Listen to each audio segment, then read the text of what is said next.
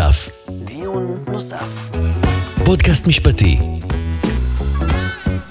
עם עורכי הדין שאול ציוני ואלי פילרסדורף. אוקיי, שלום אוהד, אנחנו בפרק נוסף של אה, דיון נוסף. כן, פרק ראשון אחרי הרבה זמן. אה, לא היה כל כך מצב רוח לפודקאסטים בחודשים האחרונים. כן, אנחנו בלי אלי, כי היום אנחנו בנושא שלא קשור לנושאים שאלי מתעסק בהם. אה, כן, היה לא פשוט, תקופה, בוא נגיד, לא, לא קלה. כן. אה, למשל, אה, אני זוכר שקיבלתי איזה פסק דין של העליון אה, באמצע לוויה. אפילו הוצאתי מכתב על זה לנשיאת בית המשפט העליון, לא אהבתי את זה. כן, והראש לא לגמרי כאן, אבל uh, אנחנו נעשה את הפודקאסט, וזה לא מוריד מהעובדה שאנחנו כל הזמן גם uh, מקווים לטוב, ומקווים שיחזרו אלינו החטופים שלנו, ושיחלימו הפצועים שלנו, לגמרי. וממשיכים. לגמרי. אה, כן, גם אוהד הוא עדיין, עדיין חייל פעיל במילואים. ארבעה חודשים, איזה כיף. כן, זהו. שבוע הבא זה הפרק שלי מסתיים לעת עתה. אוקיי, אז היום יש לנו בעצם אה, סיכום שנתי אה, של אה, הקריפטו במשפט. בעיקר נדבר על דברים שקרו בארצות הברית, שם היו באמת התפתחויות מאוד מאוד משמעותיות. אני חושב אולי השנה הכי משמעותית מבחינת הרגולציה של אה, קריפטו, משפטים, החלטות, התקדמות, לא ככה. ממש. זה גם שנה שצריך לזכור שהתחלנו אותה, ב- בנובמבר 22 היה את הקריסה הגדולה של אה, FTX. ובתחילת 23 ממש לא היה ברור לאן, הרבה משפטים באוויר, הרבה דברים תלויים, ו- תלויים ועומדים, וממש לא היה ברור לאן הקריפטו ילך ב-23. אם זו שנה, קצת שנת אה, make or break כזו, אני חושב שבסך הכל, על אף ההתחלה המאוד מאוד מורכבת, שנה מאוד אה, חשובה וטובה להתפתחות של שוק אה, הקריפטו. נכון, אנחנו נעשה גם בסוף איזשהו סיכום שאני חושב יסתכל גם על האירועים הקודמים. אה, אני עדיין חושב שבתעשיית הקריפטו יש ענפים בעייתיים וטוב שמטפלים בהם, אה, FTX וגם בייננס למשל. מה קרה איתם, אוהד? טוב, אז בייננס באמת אה, בשבועות האחרונים אה, התבשרנו בייננס, למי שלא מכיר, הבורסה הכי גדולה בעולם שעוסקת במטבעות קריפטוגרפיים. עם זאת, היה ידוע לכל מי שמתעסק בעולם הזה, שהפרקטיקות של אה, בייננס הן בעייתיות, הן off the books במובן כך נראה, כך נראה, כך נראה, לכאורה, לכאורה. לכאורה. לא היה ברור מי בדיוק הבעלים של החברה הזו, איזה המשטר אה, אה, אה, איסור הלבנת הון ומימון טרור שלהם היה מאוד רופף.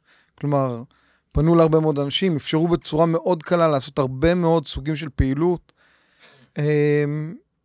ו- והיה ברור שהדבר הזה הולך להתכנס ל- ל- למשהו. זה כבר עלה על הרדאר של הרשויות, את 23 התחלנו, כבר כשהרשויות, בעיקר כשאנחנו מדברים על רשויות, הרשויות המובילות זה בעיקר האמריקאים, כבר עם בייננס על הכוונת.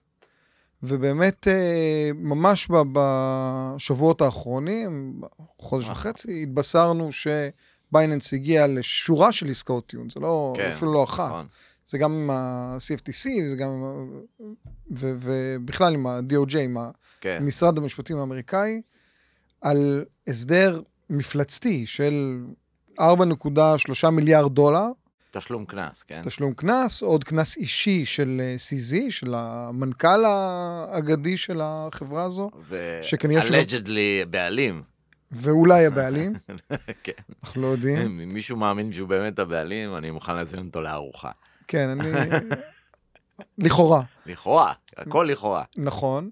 אה, וכנראה שיכול להיות ש-CZ גם יבלה זמן מסוים בכלא, אנחנו מחכים, כן, אה, גזר דין יהיה מתישהו צו בפברואר. עיכוב יציאה מארצות הברית, הוא לא יכול נכון. לצאת.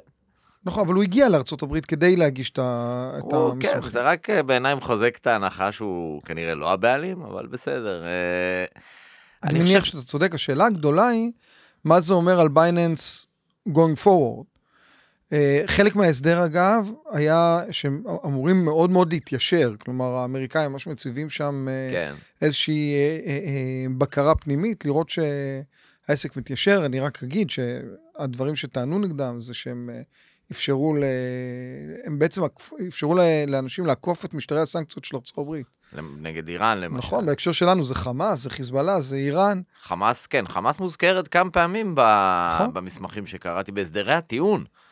זה באמת אה, לא נתפס. נכון, זה, אה, זה, ו, ו, והשאלה הגדולה היא, תראו, 4.3 מיליארד דולר בשביל בייננס, כנראה זה, זה, זה לא סכום נורא. שהוא ממש לא נורא.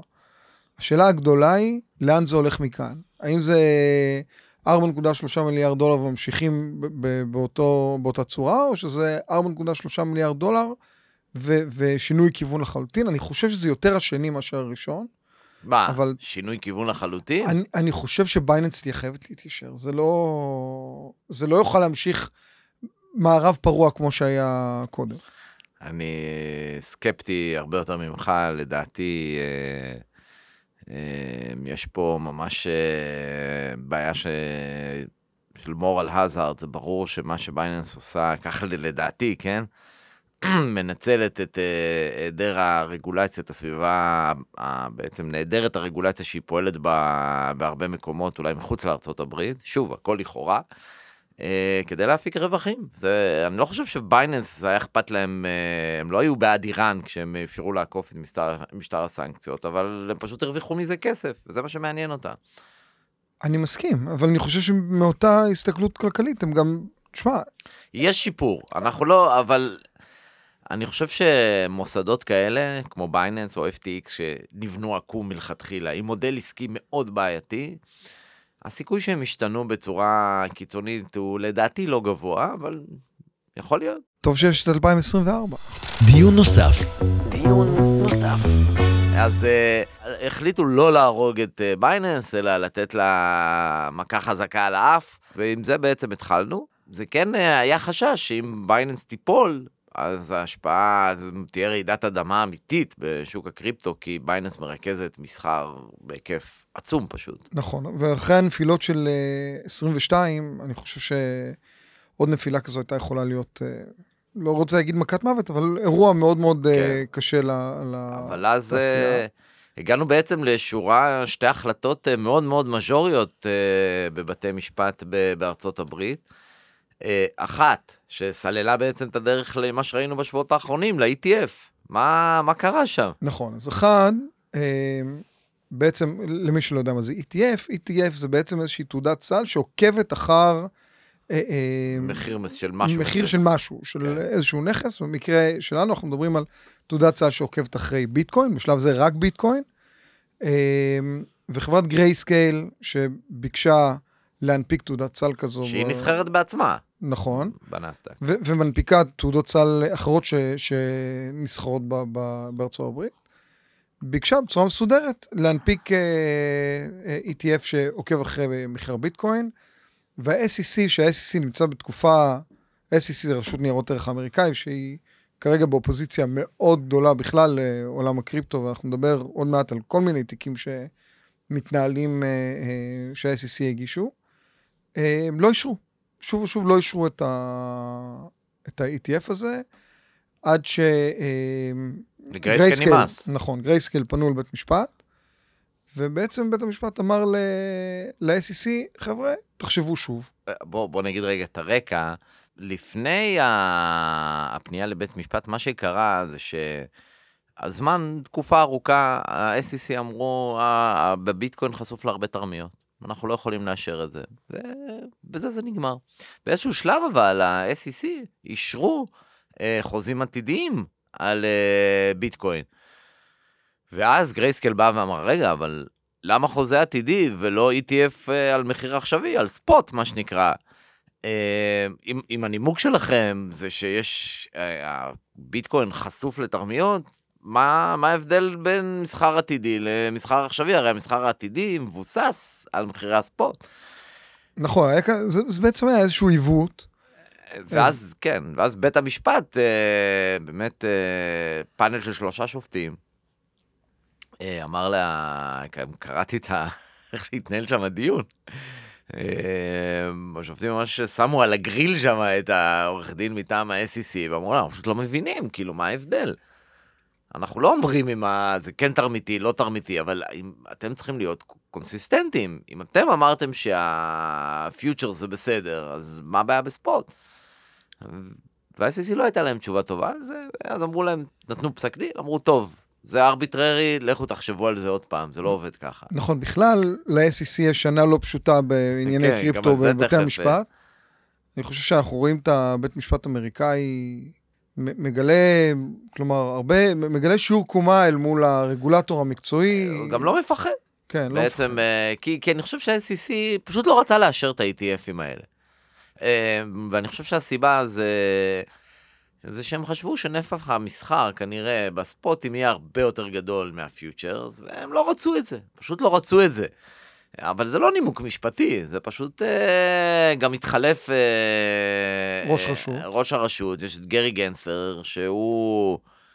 היחסים שלו עם התעשייה הזו הם מאוד מוזרים, אה, כי הוא בעצמו היה לו, הוא לימד על אה, קריפטו Mhm. וכולי, היה נראה שהוא יהיה אדבוקט של קריפטו. כן, ו- אבל זה, כל מי שהיו לו תקוות גדולות לגבי גרי גנסלר ותעשיית הקריפטו, אני חושב, אה, גנזו את התוכניות גנזו. אותה, כן, ו, ובאמת בעקבות ההחלטה הזאת, זה, אני חושב שלכולם זה היה ברור שזה עניין של זמן, עד שה-SEC לא תהיה להם ברירה, והם יאשרו את ה-ETFים האלה. כן, גם צריך להבין, זה ה-ETF הבסיסי שבבסיסי שבבסיסי. זה, אני- אני חושב שבהסתכלות קדימה, התקווה היא שיהיו ETFים של אה, סלי מטבעות, אה, כאלה שמאזנים כן, בין מטבעות אבל- מובילים, דברים יותר בסדר, מורכבים. אבל מ- אוהד, ETF על ביטקוין זה אומר שהקריפטו הגיע ללב המיינסטרים של שוק ההון. זה, זה המשמעות של זה. הביטקוין. אני- הביטקוין. אני לא בטוח, אני חושב שכמו שכבר בפעם שעברה שדיברנו על, אה, אני חושב שיש קצת הבדל בין ביטקוין לבין שאר עולם הקריפטו. אולי ביטקוין ואיתריום ושאר אז עולם גם הקריפטו. האיתריום כנראה, רוב הסיכויים לדעתי, אני גם חושב שזה גם בטוח. יאשרו ETF על איתריום. אבל זה, תראה, במצב שבו ביטקוין ואיתריום גם ככה אה, משקפים את רוב השווי של שוק הקריפטו, אז ברור שזה מאוד מאוד משמעותי. נכון, זה ו- לא, לא משהו... ש- ואיתריום גם, זה גם התשתית של עוד חלק גדול מ... מ- נכון, מעולם אה. ביטקוין זה נכון שהוא מין stand alone כזה, הוא איזה פרש בודד, יצא ראשון, והוא גם, הוא גם קצת stand alone אידיאולוגי, הוא כן, גם יש לו שונה. תפיסת עולם אחרת. הם אה, אחרים, החבר'ה שם הם אה, הרבה פחות אה, פשרנים לגבי הפרוטוקול של זה. הליטאים, הליטאים של הקריפטו.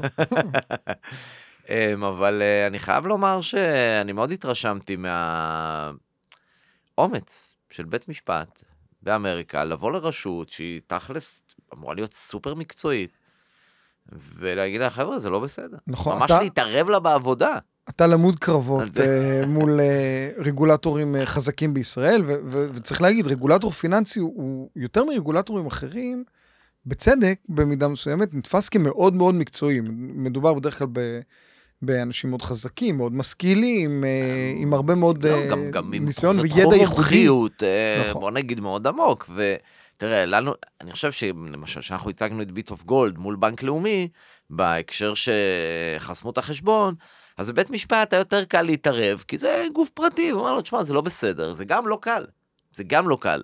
אבל אני חושב שלקבל צווים בישראל נגד רשות רגולטורית, בסיטואציה כזו, זה על גבול הבלתי אפשרי. זאת אומרת, בטח אה, רגולטורים חזקים כמו בנק ישראל, רשות ניירות כן. ערך. זה... זה אפשר אולי אה, בדיעבד, בתביעות ייצוגיות או דברים כאלה, שידחו את עמדת הרגולטור, אבל ממש להתערב במתן רישיונות, נדיר מאוד. נדיר מאוד מאוד, ואנחנו אגב, אנחנו רואים שלמשל בכל אלה שמבקשים, נותני שירותים פיננסיים, מבקשים רישיון והבקשות שלהם נדחות, אני מפסיקה שראיתי, כל הערעורים האלה נדחו. עכשיו, אני לא אומר, אגב, אני לא אומר שהערעורים האלה מוצדקים באיזושהי צורה, אבל, אבל זה אומר שזה מאוד מאוד קשה להתערב. המעמד של, הרגולה, של הרגולטורים, הרגולטורים הפיננסיים, ב, ב, כשמגיעים לבית משפט בישראל, הוא כזה שמאוד מאוד קשה לערער אותו. כן, אגב, בהקשר הזה מעניין לראות מה יקרה בבית הדין לתחרות, בלי קשר לנושא של הקריפטו, שרק עכשיו אה, הבנתי שנפסל המיזוג בין אה, אה, ישראכרט להראל, אם אני לא טועה. כן. אוקיי? אז אה, כן, זו גם שאלה, כי בית הדין לתחרות צריך להחליט, אה, להתערב בהחלטה של הממונה על התחרות. כן, ושם גם יש התנגשות אה, בין שחקנים חזקים משני אגב, הצדדים. שם בנק ישראל כמובן אישר, לא אין לו שום בעיה. כן, בנק ישראל, טוב, זה, זה שווה פודקאסט אחר. נכון, בנק ישראל, בוא נגיד, צריך לחלק אותו לשתיים, בנק ישראל עצמו והפיקוח על הבנקים. כי אני חושב שבנק ישראל, במדיניות המקרו שהוא מנהל, הוא באמת גוף, אולי מהבודדים המצוינים האחרונים שנשארו במדינה. אה, אבל הפיקוח על הבנקים, שבעצם מתנהל כמין אה, אגף נפרד וישות עצמאית, בוא נגיד שהוא... אה, אני חושב שהוא פשוט גוף שתופס את האנשים שם מעולים. אנשים שמעולים, כן, אנחנו פוגשים. אותם, זה, שוב, זה אנשים ברמה מקצועית מאוד מאוד גבוהה, גם אנשים, אנשים עם כוונות שהן שהן נכונות. העניין הוא שהתפיסת עולם שלהם היא כזו, של מעל הכל להגן על הבנקים ועל יציבות הבנקים, וכל מיני מושגים כמו תחרות, ו... אה, צריך להיות שם שינוי אה, תפיסתי, וזה אולי נושא לפרק אחר. בוא אבל- נחזור כן, נחזור לפסיקה. בארצות הברית. כן, אז באמת תוך כמה חודשים אה, אושרו ה-ETFים האלה, ועכשיו יש לנו 11 ETFים על אה, ביטקוין. אה, והייתה עוד החלטה שהיא אפילו, לדעתי, יותר אה, משמעותית לשוק הקריפטו, וזה בנושא של אה, ריפל. מה אקס- היה שם? XRP. XRP, כן. כן, טוב, זה אולי התיק... Major אירוע. הת- זה התיק הלגנדרי, אני זוכר שהיינו פעם בכנס בטקסס, בכנס... אה, באוסטין, טקסס. באוסטין, בכנס של אה, CoinDesk, והגיע מנכ"ל ריפל כן. לשיחה, והוא התקבל כמו rockstar. הלוחם הבודד, לוחם החופש, כן. מול ה-SEC. זה, זה הליך שמתנהל כבר מ-2020. אה, בעצם אה, תביעה שהגישו ה-SEC בטענה שריפל, המטבע של ריפל, XRP, הוא בעצם נייר ערך, ושהמכירות שמכרו שלו- נייר ערך. נייר ערך בניגוד לחוק, וכולל אגב אה, אה, אה, כתב אישום נגד המנהלים של אה, אני לא חושב שזה היה כתב אישום, לדעתי זו הייתה תביעה. אני לא חושב שזה היה אישום פלילי, למיטב זיכרוני. אבל... אה, אבל כן, כולל נגד המנהלים, הלכו, מה שנקרא, עד הסוף עם החברה. נכון, הלכו להם על הראש, ו- וריפל לא רק שלא התקפלה, היא שמה ציוד ויצאה לקרב הזה, וזה קרב שאני חושב שכל התעשייה עוקבת אחריו מקרוב כבר בוא- שלוש שנים. כן, בוא, בוא רגע נמקד את, ה, את הדיון בעצם, כי מה עומד בעצם בבסיס הטענה? מה יש ל-SEC נגד ריפל? בעצם הטענה הייתה שה-XRP, אותו מטבע שנמכר אה, בבורסות השונות מטעם אה, ריפל, זה נייר ערך לכל דבר. שמוכרים נייר ערך. שמוכרים נייר ערך לציבור, כן. וניירות ערך, כשמוכרים נייר ערך לציבור, העניין הזה צריך להיות מוסדר בישראל על ידי רשות ניירות ערך, בארצות הברית על ידי ה-SEC, Securities כן, Exchange Commission. אתה, כאילו הם אמרו, מכרת נייר ערך באופן לא מורשה. נכון, לא עברת דרכנו, לא הוצאת תשקיף, יש כל מיני חובות שאתה צריך לעמוד בהם כשאתה כן. מוכר לציבור ניירות ערך. כדי, זה, זה לחובות שנחקקו ב-1933, 1934, אחרי בעצם המשבר הגדול של 29, נקבעה חקיקה ורגולציה מאוד אדוקה על ניירות ערך שנמכרים לציבור, כן. כדי להגן על הציבור בעצם. אז איך קובעים ממשהו נייר ערך? אוקיי, אז בארצות הברית זה מאוד נחמד. הפסק דין, בעצם המבחן שבו מעבירים אה, כל אה, אה, נכס כזה שרוצים להבין אם הוא נייר ערך או לא, וגם על זה היה בעצם לב ההחלטה בעניין של XRP, אה, בעצם להעביר את הנייר הזה, את הנכס הזה, דרך מבחן האווי. האווי זה פסק דין בית המשפט העליון האמריקאי מ-1946, שימו לב, אנחנו היום ב-24, חקיקה שיפוטית נוראית, סתם. זה מטורף, זה כן. עדיין המבחן, וזה המבחן שלאורו הולכים, וכבר 80 שנה מדייקים ומפתחים את כן, מה אומר ההתפתחות של האווי. המבחן? בוא נגיד את זה ככה. האווי, קודם כל האווי אגב, היה פרדסן בפלורידה, וב-1946, אם היית הולך אה, מחוץ למלונות אה, יוקרתיים בפלורידה, היית רואה שלט שמאפשר לך לקנות חלק מהפרדס. אבל הוא לא מכר רק, מה זאת אומרת פרדס? בעצם מה שבית המשפט אמר שם, אתה לא מוכר תפוז.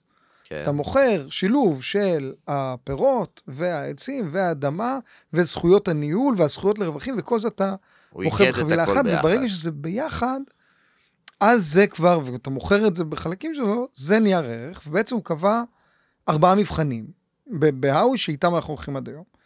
אחד, an investment of money, קודם כל צריך לשים כאן כסף, השקעה של כסף. השקעה של כסף. אוקיי. in a common enterprise, באיזשהו אה, אה, מפעל או איזשהו מיזם משותף. משותף. משותף. משותף כאן הרבה פעמים מדברים על אה, שותפות אה, הוריזנטלית, אופקית. כן. במובן הזה שכל מי שקונה נכנס לאיזשהו פול של אנשים אם אני שנהנים. נותן לך 100 אלף שקל שתקים בית קפה, זה לא נייר ערך. אבל נכון. אם אתה מנפיק לי ולעוד 100 איש איזשהם ניירות שלכל אחד יש, אה, לא יודע מה, אחוז אחד מהרווחים העתידיים של הבית קפה הזה, אז זה כן נייר ערך. זה לכאורה נייר ערך קלאסי. כן, אוקיי.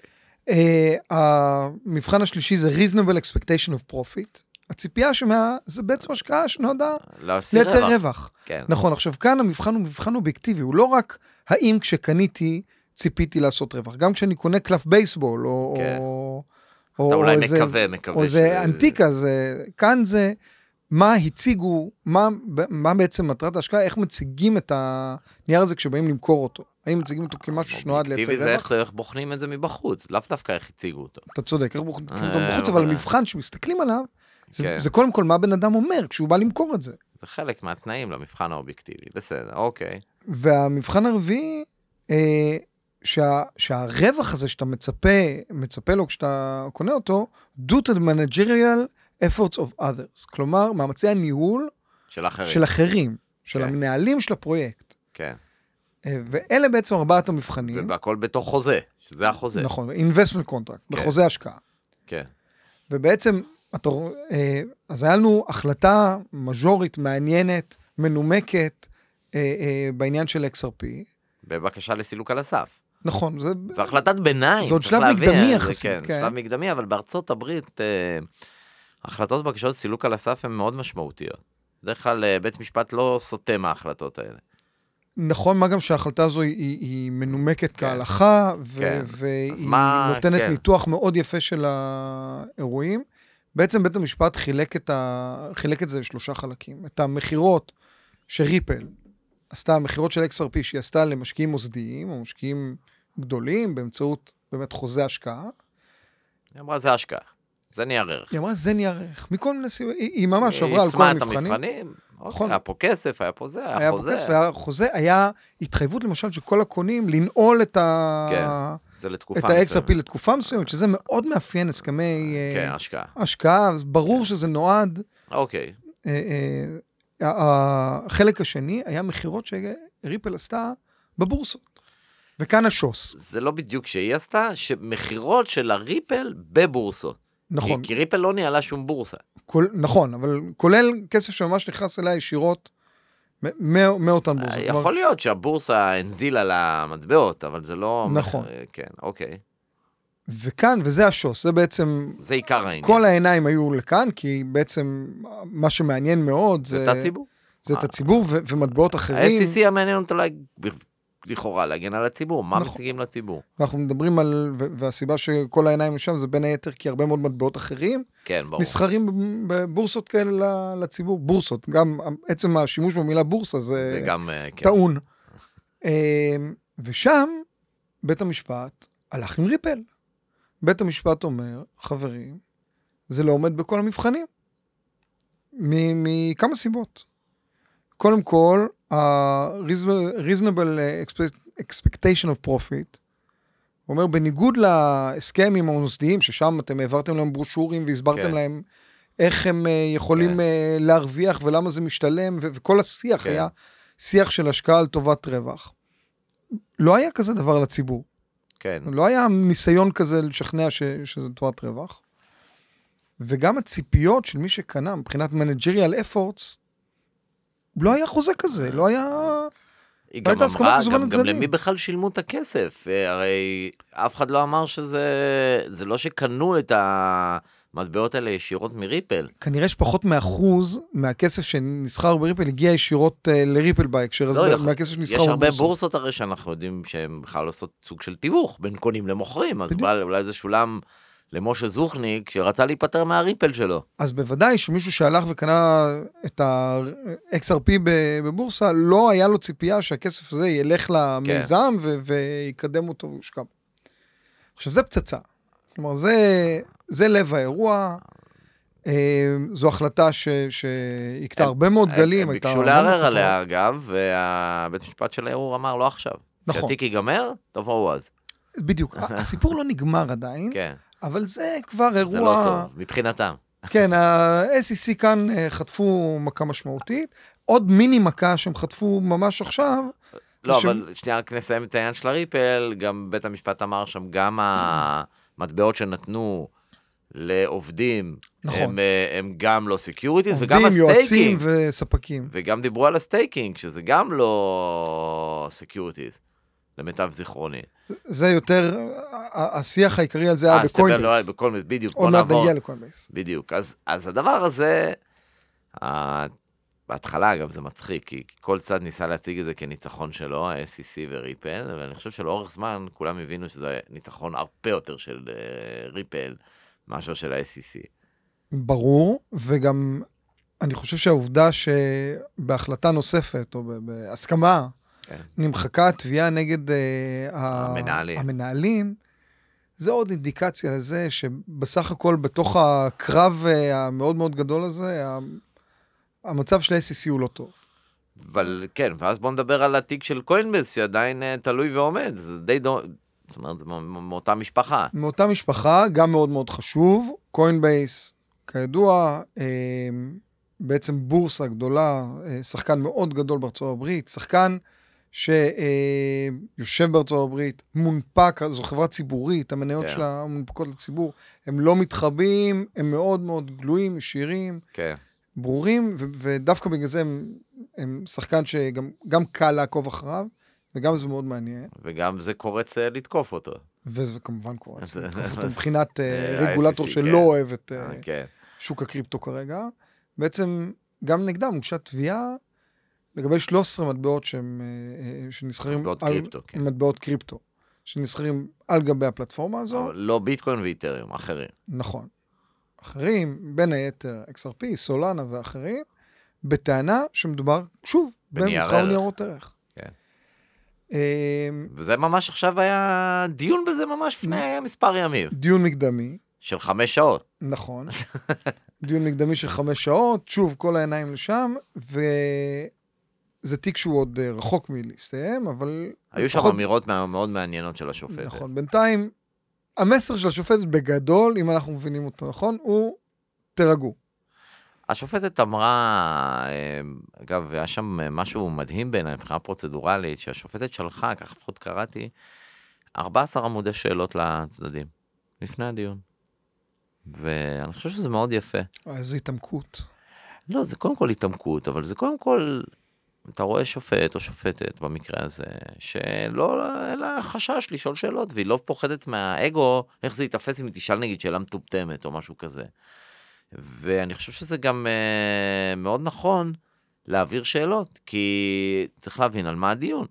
הלוואי, ובאמת... זה היו- מאוד מאוד ממקד את הדיון. הלוואי והיו עושים את זה אצלנו, הלוואי. אני מחכה לשופט שישלח לצדדים שאלות. מעניין, יש לנו פרוצדורה כזו בכלל? אין בעיה, השופט יכול להחליט מה שהוא רוצה. אני לא חושב שיש מניעה.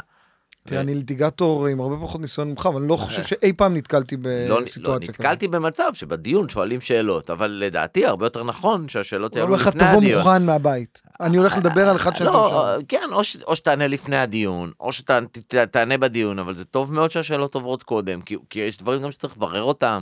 זה לא, הדיון לא אמור להיות הפתעה עכשיו, כאילו, אתה לא יודע מה השופט חושב. כן, גם, אתה יודע, אנחנו מדברים על דיונים עם הרבה מאוד כסף, הרבה מאוד, אני עברתי, אתה יודע, עברתי על הדיווח, רק ספרתי את עורכי הדין שייצגו את קוינבייס, אני חושב שספרתי 12. אה, אני חושב שווקטל אה, מייצגים אותם. בכל מקרה, אה, אני חושב שה-SEC, אה, בוא נגיד, פתחו במתקפה גדולה מדי על, ה... על השוק הזה. וגם בכלל, כל השיטה הזו, וזו הביקורת הגדולה של שוק הקריפטו נגד ה-SEC, של בעצם regulation by enforcement. אתם לא אומרים, אתם לא אומרים מה בדיוק אה, צריך לעשות, אתם הולכים ומגישים תביעות. אם זה מצליח, סבבה, ואם לא, אז לא. ואתם לא יכולים להעמיד אותנו אה, בסיטואציה שאנחנו... עכשיו, הם אומרים, אנחנו פונים אליכם כל הזמן. אתם לא אומרים שום דבר, ואז פתאום מגישים תביעה. וזו בעיה מאוד גדולה של לעשות אה, בצורה כזו רגולציה. אני מאוד מסכים. אני, אני טיפה אגן על ה-SEC במובן הזה, ש, שמצד שני עוד אין אה, אה, משטר אה, רגולטורי חלופי. כלומר, נגיד באירופה עושים עבודה מטורפת של לנסות להסדיר את השוק הזה בצורה אחידה. באירופה אנחנו מדברים כמובן על המיקה, כן. שזה איזושהי חקיקה כלל אירופאית, שנועדה באמת לעשות איזשהו סדר בתחום, מה מותר, מה אסור, מי מחליט. אוקיי. וכן הלאה. בארצות הברית זה לא ממש קורה. וה-SEC, אני חושב ששוב, אני לא מייחס להם רק כוונות זדון, אני חושב שקצת נשאבו אל תוך הוואקום הזה. אז יש, אה, עלתה בתיק הזה של אה, דוקטרינה, טענה לדוקטרינה נכון. שנקראת ה-major questions. השופטת הייתה סקפטית לגבי ההכלה כן, שלה. כי משתמשים בזה פעם באיזה אה, לשלוף... כן, אבל זה, זה גם רעיון יפה, שכאילו אומר, כשיש משהו שהוא כל כך מהותי, כמו שוק חדש ענק, אז זה עניין למחוקק. זה לא עניין לרגולטור עכשיו שהוא יסדיר את זה. אם זה משהו מאוד מאוד גדול. ואז היא אמרה, אני לא בטוחה ששוק הקריפטו הוא כזה גדול, שאני יכולה להגיד שאף אחד לא הסמיך בעצם את הרגולטור זו הייתה להסדיר טענה. של קוינבייס. נכון. נכון, אז- בעצם זה- קוינבייס אומרים, חבר'ה, זה בכלל, כאן המחוקק צריך להיכנס, ועד שהוא לא ייכנס, ה-SEC, עם כל הכבוד, אין לה מה לעשות. היה לה משפט יפה, היא אמרה, אני לא בטוחה שיש לי כוח אה, אה, לאסור, אה, כוח לומר שצריך לא לאסור על פעילות שאני לא חושב שצריך לאסור אותה, משהו כזה. הרבה שלילות היו לך במשפט הזה, אני לא בטוח שעקבתי, אבל אני, אני מבין את הרעיון, ובכלל, ה- לכאורה, היא מעבירה איזה קו מאוד צנוע, היא גם אומרת ל-SEC, תירגעו, לקוינבייס היא אומרת, בואו, תרדו מהעץ של ה... כן, בסדר, אה, זה רק טענה מלמעלה, טענת נכון. ה-major questions הזה, אבל... וזה גם לא נכון בעיניי לומר שאין להם סמכות, אבל, אבל כן, תראה, אני, אני מבין, אני כן מבין את החשש של ה-SEC, שיש הרבה junk בתחום הזה. בוא, 2017 יצאו תחת כל עץ רענן, היו ICOs שגזלו מהציבור כן, אז, אז, מאות מיליונים. אז, אז אני מסכים עם זה שיש הרבה junk ולא מעט scams בתוך השוק הזה, אני מסכים מאוד. אני גם מבין את החשש שה-SEC אומר, גם מה שלא תרמית ולא... מה זה עוזר בעצם? למה זה טוב? הם פשוט לא מבינים מה עושים עם זה, ומדברים על זה הרבה. אה, מה עושים? כאילו, הרי כמה רכישות כבר עושים מביטקוין או איתריום? לא הרבה. אז הם גם אומרים, אז בסדר, חלק זה רמאות, כנראה חלק קטן והולך, אבל חלק אחר, בכלל ב- למה זה טוב. אה, אבל אני חושב שפה צריך טיפה צניעות, ולהגיד, "תראה, אם זה קיים וזה לא זה, אז כנראה שיש לזה ערך. זה גם לא התפקיד שלך, בעולם דמוקרטי, בדיוק. אתה לא צריך, אה, המדינה לא עומדת אני לא ואומרת, יודע, גם מה הערך של אה, לעשן סיגריה, זה גם שאלה, אז לא יודע, כאילו... לא חושב ש... תראה, אולי, אולי צריך... מעניין אם זה הדימוי שהייתי... לא, לא, זה לא... הד- אני רק אומר, אני רק אומר, שאם משהו קיים ויש לו דרישה, אז כנראה שהוא, כנראה שכן יש לו ערך. לדעתי יש לזה ערך גדול, למשל, ביחס למדינות שהן במשבר כלכלי מתמשך. אם אתה חי בוונצואלה, ואסור לך לקנות אה, דולרים, אז אתה קונה ביטקוין. לא, ו- אני- בכלל, אני חושב שאני אלך איתך עוד צעד, אני חושב שהתפיסה הזו שיש אה, נכסים שאתה יכול להעביר אותם בלי מתווך, עם כל הסיכוני אה, הלבנת הון ומימון טרור ואחרים שיש בזה, זה דבר אדיר, זה דבר אדיר. אני חושב שזה הערך אה, מאוד מאוד חשוב, בוא נאמר זה כן. זה דבר, ואגב, ETF, ETF זה, זה, זה לא זה. ETF, חשוב ETF להבין, זה רק ל- זה איזשהו. הימור על השער. כן, אבל הקונספט היפהפה הזה, שזה כמו כסף בארנק. נכון, זה כמו כסף בארנק. וזה הולך איתך לכל מקום, אז זה ואי מדהים, אפשר לקחת נכון. לך את זה. לא, וגם זה לא אומר שאתה עבריין, זה בסך הכל אומר שיש לך יותר שליטה על ההון שלך, על מה ששייך לך. וזה שאני לא עובר דרך הבנקים, שהבנקים הם באמת הרבה פעמים גופים, בטח נגיד במדינה כמו ישראל, שנשלטת על ידי קבוצה מאוד קטנה של בנקים, שבעצם אומרים לך מהבוקר עד הערב, אנשים לא יודעים, אני חושב שהרבה אנשים שהם לא מנהלים עסקים ולא לא מבינים עד כמה הבנק בעצם מחליט מה תעשה, איך תעשה, איך יקראו לך באיזה שעה תקום בבוקר וכולי, כי אתה חייב אותו. כן. אוויר לנשימה, והקונספט הזה שאומר, אני יכול לעשות העברות בנכסים, בלי בנקים ובלי רגולטורים, בלי זה, כי זה חלק מהחירות שלי כאדם, זה דבר יפהפה. זה לא רק חלק מהחירות, אגב, סליחה שאני אומר, זה הרבה יותר זול. להעביר כסף היום במערכת הפיננסית הבינלאומית זה דבר יקר, זה פשוט עולה הרבה. יקר, מסורבל, ארוך. כן, ארוך, בסדר, אז... אבל אנחנו לא עכשיו נדון בערך של זה, אני רק אומר שבאמת אה, זה מדהים אה, בעיניי שהשופטים לא נבהלו, ויודעים אה, לעצור את הרגולטור אה, מ- מלהתפרע כלפי חברות כאלה, אני חושב שיש לזה הרבה ערך של ריסון. נכון אה, מאוד. אנחנו כמובן לא מדברים על הרבה מקרים אחרים, ש-SEC הגישו כל מיני כתבי אישום ותביעות, לא, מה. שרמאות, אני בעד שייכנסו בהם עד הסוף. נכון. אנחנו מדברים באמת רק על מקרים שהם באמת שאלות פרשניות מעניינות. מי שרמאי הוא רמאי, וזה לא משנה אם הוא עוסק בקריפטו או במשהו אחר. המילה קריפטו לא נותנת לו חסינות. בדיוק, אבל גם בישראל הייתה לנו התפתחות רגולטורית. נכון. בישראל הייתה לנו התפתחות ממש טריה, ומכיוון שזה ממש, אה, הייתה לך מעורבות של שתי ידיים ושתי רגליים אה, בעניין הזה, אני חושב כן. אה, תראה, זה סיפור די, די מדהים, שלדעתי יכול לקרות רק בישראל. אנשים פרטיים שיש להם קריפטו, הם, וצריכים לשלם מיסים כי הם מכרו את הקריפטו שלהם. והם אזרחים שומרי חוק, אז הם אזרחים דיווחו על זה. חוק וכולי וכולי. אה, מכרו את הקריפטו, רוצים לשלם אה, מס למדינת ישראל, יש מס רווחי הון במדינה. אה, בדרך כלל הם עשו את ההמרות האלה מחוץ לישראל. הכספים נמצאים בחשבונות בנק בחו"ל, רוצים להעביר את זה לישראל, לשלם אה, מיסים. הבנקים בישראל לא מוכנים לקבל את הכסף. רשות המיסים מצידה אמרה, אני לא מוכן לקבל כסף מחו"ל. רק מחשבון על שמך בישראל. בישראל, אם לא, הבעיה שלך. ופניתי ל... לא רק לרשות המיסים, לכל, לשרים, למי שאתה רוצה. אמר, חברים, זה לא הגיוני. תנו לנו לשלם את המיסים, או שתכריחו את הבנקים לקבל את הכסף, או שנוכל לשלם ישירות לרשות המיסים. ואז התשובה שקיבלתי, תוך כדי הליכים משפטיים. חשוב להגיד, שאול ייצג, זה לא הקריפטו שלו. אה, כן, לצערנו. אה, לצערנו, לא, זה לא שלי, אני הצגתי. אה, ואז המדינה אמרה, לא, לא, אתם צודקים. אנחנו את הבנקים לא יכולים לחנך, אבל אנחנו נאפשר לקבל ישירות מחו"ל את הכספים. אמרנו, אוקיי, סבבה, מתי כל הדבר הזה הולך לקרות? "אה, תכף, ממש כמה חודשים. זה, רק עובדים על זה ומסיימים. זה כבר אה, טיוטות אחרונות. לא, לא טיוטות, אבל עובדים על זה. הוקם, גם אתה רגיל, יש את המשפט הזה, צוות בין-משרדי. הוקם צוות בין-משרדי, רשות המיסים, רשות להלבנה, איסור הלבנת הון, בנק ישראל, היועץ המשפטי לממשלה, כל מי שאתה יכול לחשוב, הם יושבים וחושבים, זה קורה. באיזשהו שלב נמאס לי. אמרתי, נמאס לי, פשוט כמה אפשר לחכות? בינתיים החוב צובר ריבית, הצמדה וקנסות, ואנחנו רוצים לשלם. הגשתי בג"ץ. הלכתי לבית המשפט העליון עם שתי טענות, אמרתי, אחד, תנו כבר לשלם, ושתיים, תבטלו את ההפרשי שערוך כן. האלה, מה זה הדבר הזה? רשות המיסים אמרה, אני לא מוכנה לדבר איתך על הפרשי הריבית, הצמדה וקנסות, עד שלא תשלם לי את הקרן.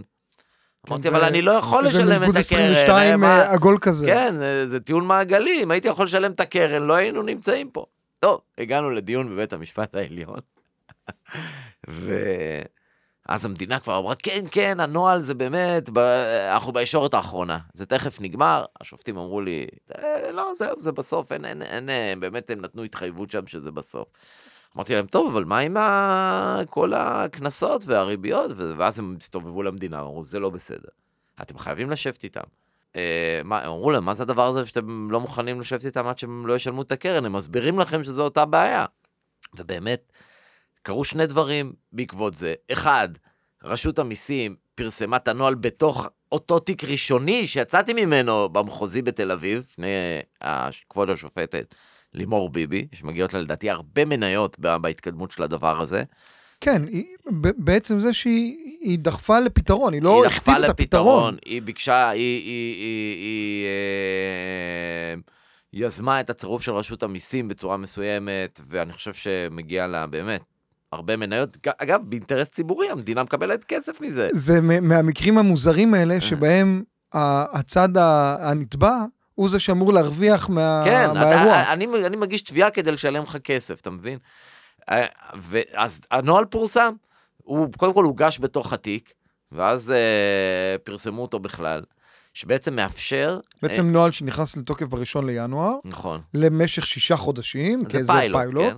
ו- ויאפשר בעצם, בעמידה בתנאים מסוימים, להראות את, קצת את מסלול ה... כן, נוהל לא. פשוט אגב. זה... הוא לא פשוט. עוד אפשר הוא- לדבר הוא על לא התוכן שלו לא מעט. הוא לא פשוט, אבל הוא התקדמות אדירה בעיניי, לא רק בתחום הקריפטו, אלא התקדמות בכלל, כי, כי הבעיה הזו של תשלום מיסים, שחברות או גופים שלא מצליחים להעביר כסף לישראל, היא, היא לא רק בתחום הקריפטו, היא קיימת בכלל. Uh, כרגע הנוהל הוא מדבר רק על קריפטו, אבל uh, אני חושב שבעצם, אני מקווה שזה יזרום לפתרון יותר רחב בנושא הזה. אז כן, אז הופתעתי מאוד פתאום לראות את זה מוגש על ידי המדינה בתיק שלי. כן, בעצם, ה- ה- בעצם הם אמרו, סיימנו את התהליך ואפשר לצאת דרך, אנחנו מניחים בהסתברות מאוד גבוהה שהתהליך הוא זה עזר להם להתכנס. זה קצת היה מצחיק, כי כל מיני רואי חשבון שכאילו לא, לא הבינו מאיפה צץ בכלל הדבר הזה. אה, הנוהל הזה הגיע משום מקום, אמרו איפה הטיוטה, כן. הוא הגיע בלי טיוטה להתייחסות, פתאום כן, פתאום הוא הופיע ב... נכון, הוא פתאום הופיע, זה פשוט תוצאה של... במסגרת ההליך המשפטי. נכון, כי הוא תוצאה של הליך משפטי. אה, ואם נחזור לתחילת השיחה שלנו על הכוח של הליכים משפטיים מול הרשויות, אני חושב שזה מוכיח את עצמו. נכון, אה, זה אחרי שאמרנו שבית משפט אה, כמעט לא מתערב אה, נגד רשויות. נכון, אז דווקא כאן זו דוגמה להתערבות עדינה. בית המשפט לא כופף לא את נתן ידם צו, עד הסוף. אבל, אבל, אבל, נכון, כי, אבל עדיין זה מספיק בשביל להניע אותם לתנועה, והם הבינו, בטח בעקבות הבג"ץ, ששם הם התחייבו שזה ממש בישורת האחרונה, שהם חייבים לפרסם את זה. ואני חושב שבלי ההליכים האלה, לדעתי הצנועה, זה בחיים לא היה קורה. פשוט לא היה קורה. זה כמו, כן, אנחנו מכירים מכל מיני בג"צי אה, זירוז כאלה, של דברים שאתה, ברור שהם צריכים להיות. זה קרה, אני זוכר, היה אחרי שנגיד כל הרישיונות של אה, אה, נותני שירותים פיננסיים. נכון. לפעמים צריך את בית המשפט שיגיד לרשויות, יאללה, יאללה, נו. נכון, אז זה לא היה בג"ץ זה היה יותר מזה. אה, זה כאילו, זה, הוא יצר בכלל את ה- הפתרון הגיע מתוך ההליך. זה, זה בכלל לא היה קיים. נכון, אוקיי? אבל יצר את השיח. יצר, יצר, יצר את הפתרון, זה לא שכאילו הם אמרו אנחנו הולכים לעשות את זה. הם אמרו שהם הולכים לעשות את זה רק בהליך המשפטי לראשונה. נכון. אה, אז אני חושב שאפרופו כל השיחות על מערכת המשפט שלנו וההפיכה המשטרית וכולי, אנשים צריכים להבין שמערכת משפט עצמאית היא, היא נכס לציבור, בראש ובראשונה, נכס לציבור. שופטים ושופטות שיודעים לבוא ולהגיד למדינה, אני חושב שאתם צריכים לשקול את זה מחדש. אני חושב שזה נראה לא בסדר. אתם משאירים את האזרחים בלי פתרון, זה חשוב שיהיה מישהו כזה שמסוגל להגיד להם, וגם הם קצת מפחדים ממנו, כי יש לו כוח.